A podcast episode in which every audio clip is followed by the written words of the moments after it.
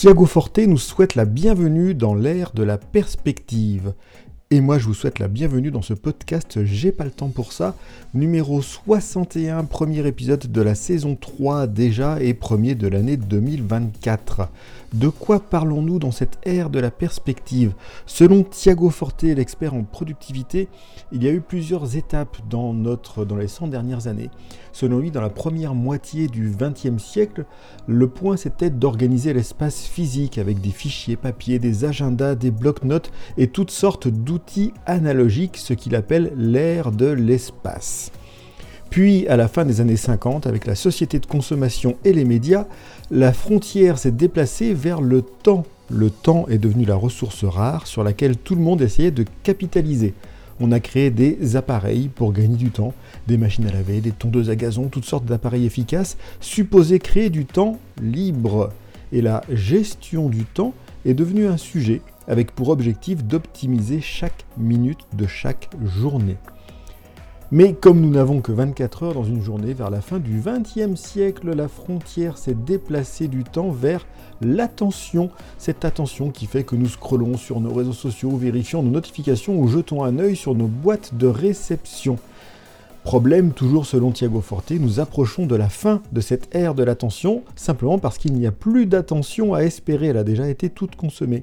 Et selon lui, donc cette frontière se déplace encore une fois vers la nouvelle source de valeur, la perspective. Et donc, qu'inclut-il, M. Thiago Forte, dans la définition de la perspective? Trois choses.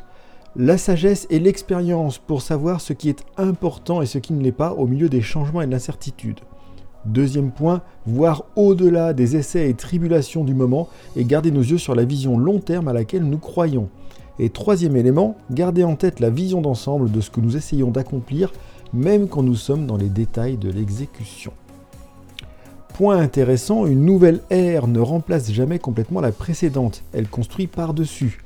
L'espace, le temps et l'attention sont donc des composantes essentielles de notre réalité et constituent, toujours selon Thiago Forte, les piliers de notre productivité sur lesquels on va appliquer différents types d'outils.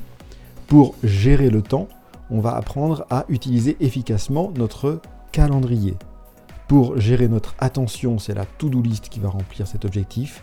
Et enfin, pour garder le sens de la perspective, c'est une application de prise et de gestion de notes qui va pouvoir nous servir. Tout ceci pour optimiser la compétence la plus importante dans l'ère de la perspective, votre créativité.